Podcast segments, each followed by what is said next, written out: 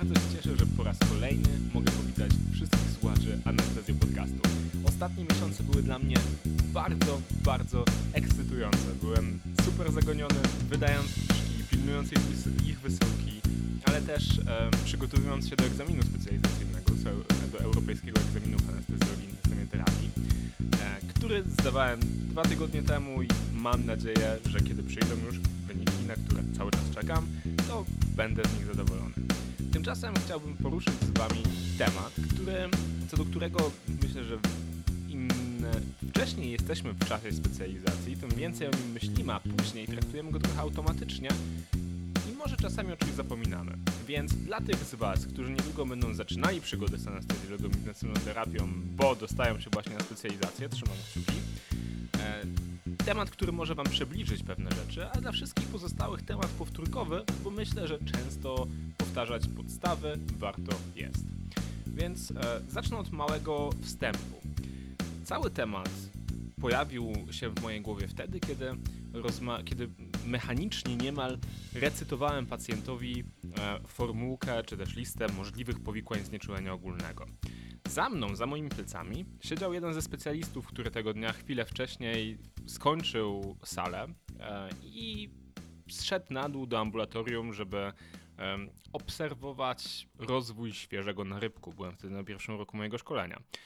I powiedziałem m.in. uszkodzenia skóry i nerwów, które są związane z pozycją na stole operacyjnym. Kiedy pacjent opuścił gabinet, to ten specjalista powiedział mi: Wiesz co, nie pamiętam już, kiedy ostatnio świadomie myślałem o uszkodzeniach związanych e, z ułożeniem. Zdziwiłem się, bo dla mnie cały czas, za każdym razem, kiedy tylko kończyłem indukcję znieczulenia ogólnego, a nawet zanim ją zaczynałem na sali operacyjnej, to na poziomie y, wysiłku intelektualnego musiałem sobie przypominać, no tu ręka, tu nerw, tu coś i, i generalnie przez cały czas myślałem o tym, w jakiej pozycji ułożyć tego pacjenta i jakie są implikacje fizjologiczne tej pozycji. Natomiast w tej chwili dziwię się mu trochę mniej, bo sam łapię się już na tym, że często wykonuję te czynności na autopilocie. Postanowiłem więc dzisiaj w sposób w pełni świadomy zajrzeć do tej podstawowej dla anestezjologa wiedzy i przeanalizować podstawowe możliwe pozycje pacjenta na stole operacyjnym, ich konsekwencje fizjologiczne i ewentualne powikłania. Więc dzisiaj omówimy kilka pozycji. Omówimy pozycję na plecach, omówimy e, pozycję Trendelenburga, odwrotną pozycję Trendelenburga, pozycję litotomijną e, oraz pozycję boczną i siedzącą. Pozycję na brzuchu zostawimy na inny podcast, bo chciałbym już niedługo zrobić podcast taki powiedzmy neurochirurgiczny, a pozycja na brzuchu jest bardzo częsta w neurochirurgii. Z tego powodu no, e, zostawię ją na tamten czas, bo uważam, że będzie to fajniejsze, jeśli chodzi o taki logiczny ciąg. Więc zaczniemy sobie od uwag ogólnych, które dotyczą wszystkich pozycji, w których możemy ułożyć pacjenta na stole operacyjnym. Po pierwsze, fajnie jest, kiedy docelowe ułożenie pacjenta jest przez niego tolerowane nawet wtedy, kiedy on jeszcze nie śpi. To znaczy, jeśli możemy zwłaszcza kiedy mamy wątpliwości, na przykład wiemy, że pacjent ma ograniczony zakres ruchów w stawach, możemy, możemy zrobić testowe ułożenie stołu operacyjnego, czyli ustawić go w docelowej pozycji jeszcze zanim zostanie przeprowadzona indukcja. To jest fajne i to pozwala nam e, uniknąć tego, że pacjenta będzie coś bolało po zabiegu, coś niekoniecznie związanego z samym miejscem operowanym. E, Po drugie, każda zmiana pozycji, każda pozycja wywołuje konkretne zmiany fizjologiczne, które są nasilane przez sposób prowadzenia przez nas znieczulenia. I każdy anestezjolog musi być świadomy, jakie są konsekwencje fizjologiczne każdej pozycji, kiedy prowadzi znieczulenie pacjenta, który jest w niej ułożony. Jeśli nie jesteście tego świadomi, będziecie robili błędy, które będą polegały na tym, że na przykład dajecie za dużo leków, że dajecie za mało leków, bo jesteście przekonani, że, że pacjent ich nie potrzebuje, a tak naprawdę pewne fizjologiczne odpowiedzi są, em, są odpowiedzią na pozycję, a nie na bodźce. Także to jest też ważne, żeby po prostu kumać, co się dzieje z pacjentem, z jego fizjologią, kiedy zmieniamy pozycję stołu operacyjnego. Po trzecie, uszkodzenia nerwów to są jedne z najczęstszych powikłań w w dzisiejszej anestezjologii. Ich częstość szacowana jest na 0,03% i większość uszkodzeń nerwów przytrafia się pomimo optymalnego ułożenia pacjenta. Czyli mimo, że spędzicie czas na tym, żeby sprawdzić, czy nie ma, nie, nie zostają pociągane jakieś nerwy, czy nie ma mm, ucisku na nerwy, i tak może zdarzyć się, i zdarzy się w 0,03%, że pacjenci będą rozwijali jakieś e, uszkodzenia nerwów.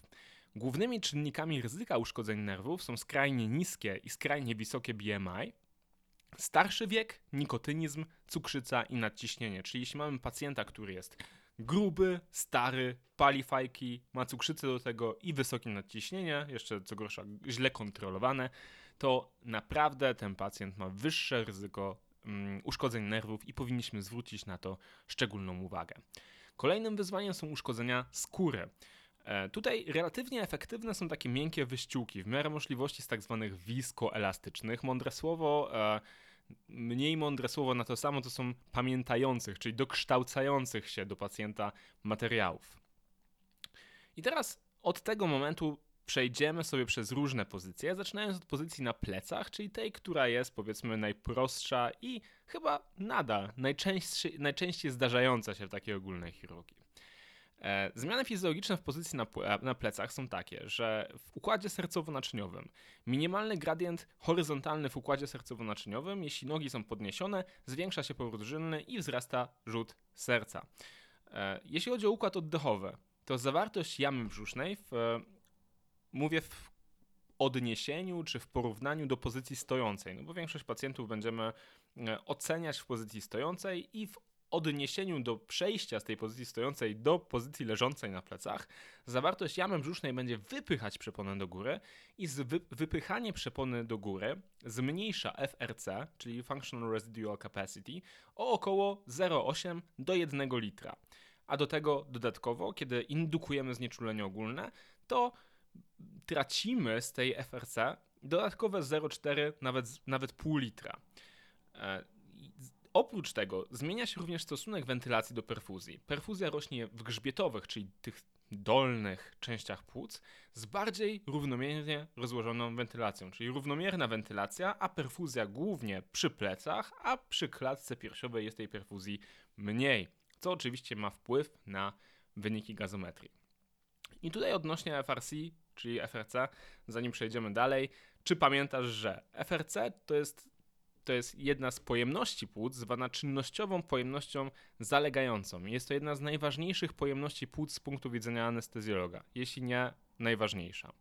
Pojemność ta gwarantuje nam tak zwane safe apnea time, czyli czas na bezdechu, który nie spowoduje spadku saturacji. To znaczy, jeśli mam FRC, czyli ten, tą czynnościową pojemność zalegającą, wysyconą tlenem, to im więcej jest tego tlenu w FRC, tym dłużej pacjent będzie mógł nie oddychać, używając tylko ten tlen zmagazynowany w FRC. I u zdrowego człowieka FRC wynosi około 30 ml na kilogram masy ciała. Na, na, potrzeby egzaminów i takiej codziennej pracy powinniśmy umieć wyrecytować i rozumieć, jakie są przyczyny obniżenia FRC. Ja używam do tego takiego mnemoniku PANGOS, który jest mnemonikiem anglojęzycznym i PANGOS e, pochodzi od pierwszych liter słów pregnancy, jak ciąża, ascites, czyli, um, czyli wodobrzusze, neonates, noworodki, general anesthesia, czyli znieczulenie ogólne, obesity, czyli otyłość i supine jak um, pozycja na plecach. I e, te wszystkie raz, dwa, trzy, cztery, pięć, sześć czynników są głównymi czynnikami e, wpływającymi na obniżenie FRC. I widzimy, że znieczulenie ogólne w pozycji na plecach tu są już dwa czynniki z sześciu, które obniżają, um, które obniżają um, czynnościową pojemność um, zalegającą. Więcej o FRC, Safe Apnea Time i całej reszcie ważnej oddechowej fizjologii znajdziecie w naszych odcinkach Fizjologia Układu Oddechowego, część pierwsza i część druga, do których linki zamieszczamy na stronie będącej opisem tego podcastu, którego właśnie słuchacie. I ważną rzeczą, którą musimy sobie zwizualizować, kiedy układamy pacjenta w pozycji na plecach, ale też każdej innej, jest to, w jaki sposób przebiegają nerwy i które nerwy potencjalnie mogą zostać uszkodzone. W pozycji na plecach czy w ułożeniu na plecach e, uszkodzeniu może ulec nerw łokciowy. W tym wypadku dążymy do minimalnego ucisku na nerw łokciowy w bruździe nerwu łokciowego kości ramiennej poprzez unikanie pronacji. U indywidualnych pacjentów wynik wybieramy albo supinację, albo pozycję neutralną przedramienia. Czyli tak, zwizualizuj sobie kończynę górną, zobacz, gdzie jest bruzda nerwu łokciowego kości ramiennej i wyobraź sobie, że kiedy zrobisz pronację tej ręki, to ten nerw będzie bardziej uciskany. Widzisz to? Potrafisz ucisnąć sobie nerw łokciowy na swojej, na swojej kości ramiennej. Mam nadzieję, że tak, bo to jest to miejsce, na które musisz bardzo uważać u pacjentów. I teraz spróbuj sobie zrobić maksymalną supinację przedramienia i pozycję neutralną i pozycję tą pronację i zobacz, gdzie jest największy ucisk na to miejsce. Największy ucisk jest właśnie w pronacji, więc jedna z tych dwóch pozostałych pozycji może zostać wybrana, aby minimalizować ryzyko uszkodzenia nerwu promieniowego, nerwu łokciowego, przepraszam. Nerw promieniowy Teoretycznie istnieje ryzyko uszkodzenia nerwu promieniowego w bruździe nerwu promieniowego, również kości ramiennej. Uszkodzenia tego nerwu są bardzo rzadkie, ale żeby zminimalizować ryzyko, musimy dbać o to, żeby podpórka na ramię była zamontowana na tym samym poziomie, co poziom stołu. Bo kiedy stworzy nam się schodek, to akurat ten schodek będzie uciskał na nerw promieniowy w bruździe nerwu promieniowego. Także bardzo ważne, trzymajmy jeden poziom. To po prostu dla pacjentów jest w pozycji na plecach lepsze i pozwala uniknąć uszkodzeń nerwu promieniowego. Splot ramienny, trzecia rzecz, może zostać uszkodzony przy nadmiernym odwiedzeniu ramienia. Czyli im wyżej uniesiemy ramię w pewnym sensie, czyli odwiedziemy ramię, e, zwłaszcza jeśli to będzie więcej niż 90 stopni, albo splot ramienny może zostać też uszkodzony w przypadku sternotomii pośrodkowej. Ale jest tu już powiedzmy e, anestezjologia bardziej zaawansowana. Tutaj konkretnie chodzi o to, że następuje rotacja pierwszego żebra i ta rotacja powoduje pociąganie splotu ramiennego. Niestety dla tego drugiego ryzyka, czyli w, w, czasie tej sternotomii pośrodkowej, nie ma w tej chwili dostatecznych danych, żeby rekomendować konkretny chroniący sposób ułożenia. I e, jeśli będziecie wykonywali znieczulenie przy takiej operacji, to proponuję Wam, żebyście spróbowali znaleźć sobie źródła, które są najbardziej aktualne, ponieważ akurat w tym temacie można, może trudno w to uwierzyć, ale w tym temacie właśnie prowadzone są mm, spore badania, które, e, które randomizują i porównują, czy lepsza jest pozycja z mm, ręką uniesioną nad głowę, czy też lepsza jest pozycja z, z ręką przywiedzioną, położoną wzdłuż osi długiej ciała. Także być może te badania rozstrzygną jednoznacznie, która pozycja jest lepsza. Na dzień dzisiejszy nie mogę Wam rekomendować żadnej z nich. Przy ułożeniu ramion wzdłuż ciała na stole operacyjnym łokcie powinny być lekko zgięte, przedramię w pozycji neutralnej, dłonie skierowane ku ciału. Uwaga szczególnie tutaj na nerw łokciowy, tak jak już mówiliśmy na samym początku. Nie? Także generalnie, e, jeśli chodzi o pozycję na plecach, musimy troszczyć się przede wszystkim nerw łokciowy, bo tutaj jest największe ryzyko uszkodzenia. Nerw e, czy też splot ramienny również może zostać uszkodzony, zwłaszcza kiedy odwiedziemy za bardzo za bardzo podpórki na kończynę górną. Jeśli jesteście szczególnie wrażliwi i chcecie um, doprowadzić do tego, że pacjenci będą Wam szczególnie wdzięczni po zakończeniu znieczulenia ogólnego, to bardzo ważnym takim trikiem anestezjologiczno-chirurgicznym, jeśli chodzi o ułożenie, jest to, żeby pacjentowi w pozycji na plecach lekko unieść i zgiąć kolana i lekko wypełnić E, to, mm, to miejsce pod jego lortozą lędźwiową, ponieważ zwłaszcza pacjenci, którzy mają jakieś przewlekłe bóle pleców, będą Wam za to ogromnie wdzięczni. Jedna i druga sztuczka zapobiega bólowi pleców po znieczuleniu.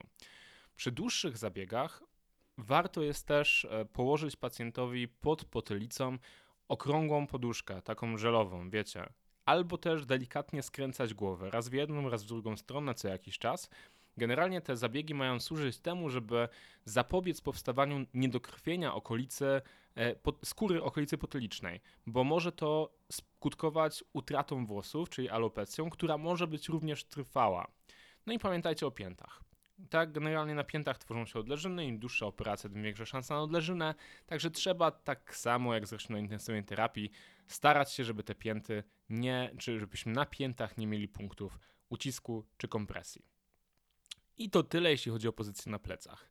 Druga pozycja to pozycja Trendelenburga, do której wskazaniami są operacje laparoskopowe, szczególnie obszaru miednicy i poprawa warunków przy zakładaniu przez nas anestezjologów dostępu centralnego, ponieważ zwiększa się wtedy wypełnienie żyły szyjnej wewnętrznej. Jeśli chodzi o zmiany fizjologiczne, to tutaj mamy ich więcej niż przy pozycji na plecach. W układzie sercowo-naczyniowym zwiększa się powrót żylny, zwiększa się średnie ciśnienie tętnicze, wraz z rosnącym kątem tego Trendelenburga zwiększają się też ciśnienia wypełnienia, ale średnie ciśnienie tętnicze i rzut serca nie wzrastają dalej istotnie. Dodatkowy wpływ na układ sercowo-naczyniowy w laparoskopii będzie miało też użycie gazu do wypełnienia jamy brzusznej. I ym, przygotowałem dla Was jedno źródło, które oceniało, jak wpłynie na rzut serca i na inne parametry hemodynamiczne ułożenie pacjentów w pozycji Trendelenburga pod kątem 45 stopni i włączenie gazu do jamy, do jamy otrzewnowej o ciśnieniu 12 mm supartenci. Powodowało to wzrost ośrodkowego ciśnienia żylnego, czyli OCZ-u, 2 do 3 razy, taki sam wzrost średniego ciśnienia w tętnicy płucnej i taki sam wzrost ciśnienia zaklinowania tętnicy płucnej. O 35% wzrósł MAP, a nie zmieniałem się za to ani rzut serca, ani, e, ani mm, pojemność e, wyrzutowa, objętość wyrzutowa, ani częstość serca, czyli heart rate. Te wszystkie rzeczy zostają stałe. Jeśli chodzi o układ oddechowy, to mówiliśmy, że już w pozycji na plecach następuje przesunięcie przepony do góry. A teraz wyobraźcie sobie, co się dzieje, kiedy mamy jeszcze ułożenie pacjenta głową w dół i do tego jeszcze za pomocą gazu ta przepona jest dalej wypychana przez wzrost ciśnienia wewnątrzbrzusznego. Oczywiście powoduje to dalszy spadek FRC, spadek podatności płuc oraz powstanie atelektazji. Pozycja Trendelenburga zwiększa też ciśnienie wewnątrzczaszkowe i zwiększa ciśnienie wewnątrzgałkowe. Przedłużone operacje w pozycji Trendelenburga mogą się więc wiązać z ryzykiem tzw. Tak tylnej niedokrwiennej neuropatii nerwu wzrokowego, czyli posterior ION. Jeśli chodzi o uszkodzenia nerwów, no to są one bardzo podobne do tych, które są opisane w ułożeniu na plecach.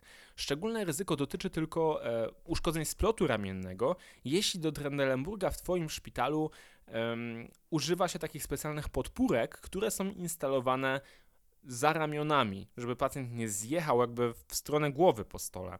Jeśli takich wsporników czy też podpórek używacie, to powinny być one zakładane bocznie od stawu barkowo-obojczykowego, czyli mocno bocznie, jakby patrząc na pacjenta, chodzi o to, żeby uniknąć bezpośredniego ucisku na splot ramienny, bo ten ucisk bezpośredni zwiększa ryzyko uszkodzenia nerwów. Pamiętajcie też o tym, że grawitacyjnie przedłużona operacja w pozycji Trendelenburga może powodować obrzęk śluzówek dróg oddechowych i problemy poekstubacyjne. Dlatego jeśli macie długą operację Trendelenburgu, to po jej zakończeniu możecie no, być ewentualnie gotowi do reintubacji, szczególnie jeśli mieliście pacjenta z trudnymi drogami oddechowymi. I przestawiamy stół w drugą stronę o 90 stopni. Mamy w tej chwili odwrotną pozycję Trendelenburga, czyli pacjent ma głowę skierowaną ku górze, stopy skierowane ku dołowi. Tutaj do, co do, do, wskazań należy przede wszystkim chirurgia nadbrzusza, otwarta i laparoskopowa. Jeśli chodzi o zmiany fizjologiczne, to spróbuj sobie teraz wyobrazić, co się stanie. Nie? Czyli krew będzie zbierać się w naczyniach żylnych kończyn dolnych i jamy brzusznej, będą malec, maleć ciśnienia wypełniania. To będzie prowadziło do spadku rzutu serca, do spadku ciśnienia tętniczego, a u osób nieznieczulonych powsta powstaje czy zostanie spowodowana odruchowa tachykardia. Jeśli wprowadzimy pacjenta w znieczulenie ogólne, ten ruch odruchowy może zostać osłabiony i no, może ten pacjent tachykardią nie zareagować, w związku z tym będziemy mieli dalszy spadek rzutu serca. Wypełnienie pacjenta możemy poprawić przez to, że podamy mu płyny dożylne, nawet już w przygotowaniu do znieczulenia. Można używać kompresji na kończynach dolnych, czyli dzięki takiej opasce kompresyjnej ta krew będzie wyciskana z powrotem do krążenia centralnego i możemy go pionizować stopniowo, a nie jednorazowo. Dalej, układ oddechowy. Jeśli chodzi o układ oddechowy, będziemy mieli zmniejszenie nacisku wywieranego na przeponę przez narządy jamy brzusznej, co będzie prowadziło do zwiększenia FRC, czyli dokładnie odwrotny efekt niż w poprzednich dwóch pozycjach, które opisaliśmy, oraz zwiększenia podatności płuc, czyli będziemy potrzebowali mniejszych ciśnień, żeby wygenerować u pacjenta wentylacji mechanicznej te same objętości. Efekt ten jest najwyraźniejszy u pacjentów otyłych. Pamiętajcie więc, że E, nie więc, a także, że w odwrotnej pozycji Trendelenburga mózg znajduje się powyżej Twojego punktu pomiaru ciśnienia, czyli jakby mankiet mamy założony na pewnym poziomie, a mózg mamy nawet 30 cm wyżej. Więc kiedy sprawdzamy ciśnienie tętnicze pacjenta i ustalamy, że przy takim poziomie jesteśmy zadowoleni albo nie, musimy też wziąć to pod uwagę.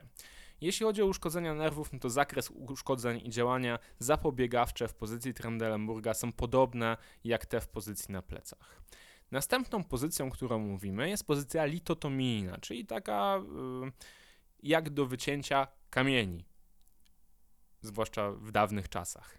W pozycji litotomijnej, do, czy do pozycji litotomijnej wskazaniami są operacje urologiczne, operacje ginekologiczne, niektóre operacje odbytnicy i zmodyfikowane wersje e, w operacjach ortopedycznych. Na przykład złamanie kości udowej może być operowane w połowiczej pozycji litotomijnej.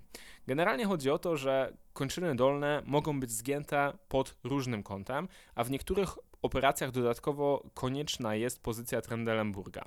Kończyny górne najczęściej są w odwiedzeniu, a rzadziej są ułożone wzdłuż ciała. Jeśli chodzi o zmiany fizjologiczne, to w układzie sercowo-naczyniowym zwykle efektem jest umiarkowany wzrost ciśnień napełniania, czyli jakby ciśniemy e, krew z kończyn dolnych do głównego, do centralnego krążenia, e, ale rzadko może zdarzać się, się tak, że ciśnienie wewnątrzbrzuszne, czyli JAP, rośnie na tyle, że powoduje kompresję żyły głównej. Ta kompresja żyły głównej spowoduje oczywiście zmniejszenie powrotu żylnego, skutkując zmniejszeniem rzutu serca i zmniejszeniem średniego ciśnienia tętniczego. Jeśli chodzi o układ oddechowy, no to znowu mamy dogłowowe przesunięcie przepony, spadek FRC, spadek podatności płuc. Negatywne efekty krążeniowe oraz oddechowe występują przede wszystkim u pacjentów otyłych, z masami wewnątrzbrzusznymi oraz kobiet w ciąży. E, I to jest, e, no to są trzy jakby grupy pacjentów, u których musimy szczególną uwagę zwracać e, na, na hemodynamikę, kiedy mamy do czynienia z pozycją litotomijną. Jeśli chodzi o uszkodzenia nerwów, to musimy tutaj zwrócić uwagę na anatomię nerwów kończyny dolnej. Mamy problem nerwu strzałkowego wspólnego, który może być uciskany na poziomie głowy strzałki. Możliwe jest także uszkodzenie nerwu strzałkowego powierzchownego, co wynika m.in. z ucisku na boczną część goleni lub, zgięcia, lub ze zgięcia podeszwowego stopy. Uszkodzenie nerwu strzałkowego powierzchownego objawia się tylko deficytem czuciowym, bez objawów motorycznych. I to jest e, akurat dość częste pytanie na egzaminie europejskim, którym, które no, widziałem, że pojawiło się przynajmniej kilka razy. E, właśnie, które, który nerw zostaje uszkodzony najczęściej e, w operacjach w ułożeniu litotomijnym i jest on właśnie nerw strzałkowy, czyli nervus peroneus. I taką odpowiedź należy zaznaczać. Inne nerwy, które mogą ulec uszkodzeniu, to nerw udowogoleniowy, które, którego uraz wynika z e, ucisku po stronie przyśrodkowej na wysokości nadkłykcia przyśrodkowego kości udowej, więc ta okolica też powinna być wystarczająco dobrze zabezpieczona. Nerw skórny, boczny uda oraz nerw zasłonowy. Tutaj uszkodzenie może wynikać ze zgięcia kończyny w stawie biodrowym. Jeśli y, zobaczycie, że zgięcie kończyny w stawie biodrowym przekracza 90 stopni, to jest to czynnik ryzyka i być może nasi koledzy z, z oddziału chirurgicznego odrobinkę przesadzili. Także e, wtedy można im śmiało zwrócić uwagę bo zwiększa się ryzyko uszkodzenia nerwu skórnego bocznego uda albo nerwu zasłonowego. I nerw kulszowy, który jest długim nerwem, grubym nerwem, może być uszkodzony na wielu poziomach i złota zasada jest taka, że zgięcie w stawie kolanowym i biodrowym należy ograniczać tylko do takiego poziomu, który jest komfortowy dla pacjenta przed operacją.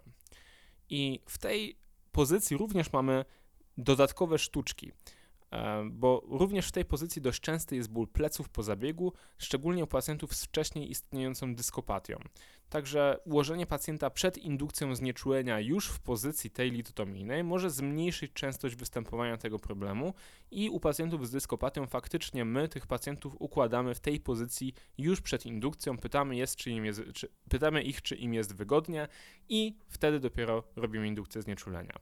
I druga rzecz, w niejasnym mechanizmie u pacjentów w tej pozycji może dochodzić do zespołu ciasnoty powięziowej. Także e, gdybyście mieli po operacji pacjenta, który prezentuje objawy bólu w kończynie, to musicie też uwzględnić, że to może być zespół ciasnoty powięziowej w swojej diagnostyce różnicowej. Także pamiętajcie o tym, bo to niestety nie zdarza się wcale tak rzadko, jak chcielibyśmy myśleć, że się zdarza. Następna pozycja, którą dzisiaj omówimy, już przedostatnia, to jest pozycja boczna, którą stosujemy w operacjach torakochirurgicznych, operacjach w przestrzeni zaotrzewnowej, operacjach stawu biodrowego.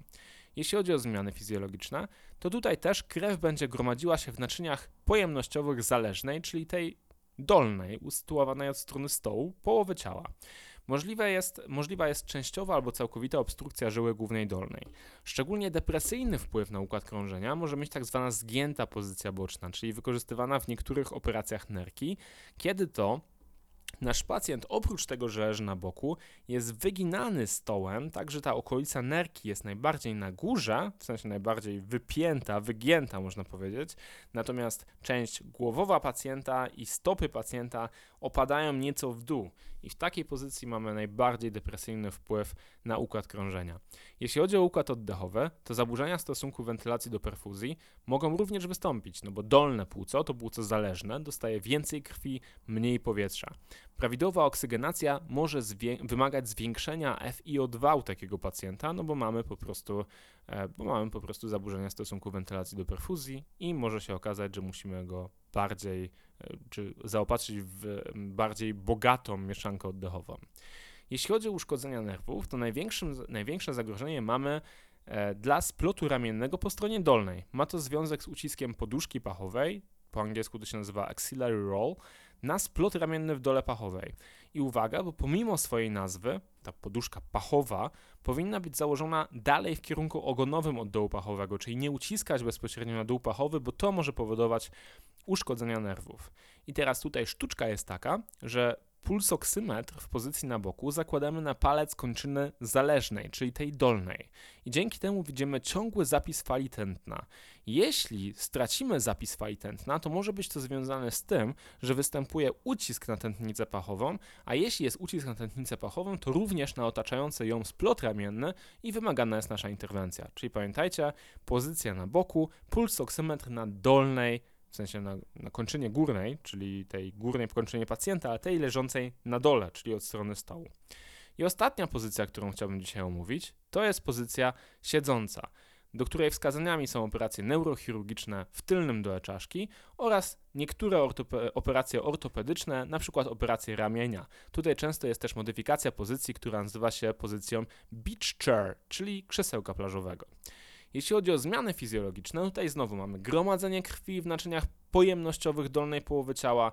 Wraz z depresją mięśnia sercowego z powodu indukcji znieczulenia ogólnego, to wszystko będzie prowadziło do głębokich zmian ze spadkiem powrotu żelnego, spadkiem rzutu serca, spadkiem objętości wyrzutowej, spadkiem ciśnienia, średniego ciśnienia tętniczego, czyli co może spaść, to spadnie. Dodatkowo, jeśli pacjent ma hipowolemię już przed indukcją znieczulenia, to te zmiany hemodynamiczne będą pogłębione, a te, to odwodnienie może być przecież związane chociażby z tym, że mieliśmy zbyt długą karencję w podaży płynów. Czyli mamy taką sytuację, gdzie pacjent miał przyjść jako pierwszy na planie, ale tu wszedł jakiś wypadek, tam wszedł jakiś wypadek i generalnie pacjent, który nie pije od godziny 4 rano, czy, czy 5 rano, jest operowany dopiero o godzinie 17, 18, po no, co najmniej 12-13 godzinach e, bez picia w sposób oczywisty są wtedy odwodnione. Także możemy mu dać płyny jeszcze przed operacją i w ten sposób zmniejszymy te efekty hemodynamiczne. Druga rzecz jest taka, że im szybciej podnosimy górną połowę ciała, tym mniejsze szanse na adaptację ma układ krążenia. I tutaj niestety często następuje nasza walka z ortopedami, którzy chcą jak najszybciej ułożyć pacjenta w odpowiednim ułożeniu i zacząć operację. Natomiast e, no, występuje u nas konflikt interesów, ponieważ my chcielibyśmy robić to powoli, po to, żeby pacjent no, miał jak najmniejszy wpływ hemodynamiczny. Także moją e, radą jest tutaj to, żebyście mm, generalnie Przynajmniej przy pierwszych operacjach stawu ramiennego podpatrzyli, w jaki sposób dokładnie ortopedzi układają tego pacjenta na stole operacyjnym i żebyście może, no, albo wy przyzwyczaili ortopedów do tego, że wytrzymacie pilota w tym momencie, albo ewentualnie po prostu rozwinęli taki kontakt z ortopedami, żeby im wytłumaczyć, dlaczego jest ważne, żeby pionizować pacjenta powoli. Drugą rzeczą, na której trzeba pamiętać u tych pacjentów, jest ciśnienie, ciśnienie perfuzyjne mózgu, czyli cerebral perfusion pressure. E, jeśli chodzi, o to, jeśli chodzi o to ciśnienie perfuzyjne, to zaburzenia w mózgowej oksygenacji w tej pozycji występują nawet u 80% pacjentów. I tak jak mówiłem w pozycji odwrotnej pozycji Trendelenburga, mankiet ciśnieniowy mierzy ciśnienie znacznie niżej niż przewód słuchowy zewnętrzny, czyli nasz punkt odniesienia dla e, ciśnienia tego perfuzyjnego mózgu.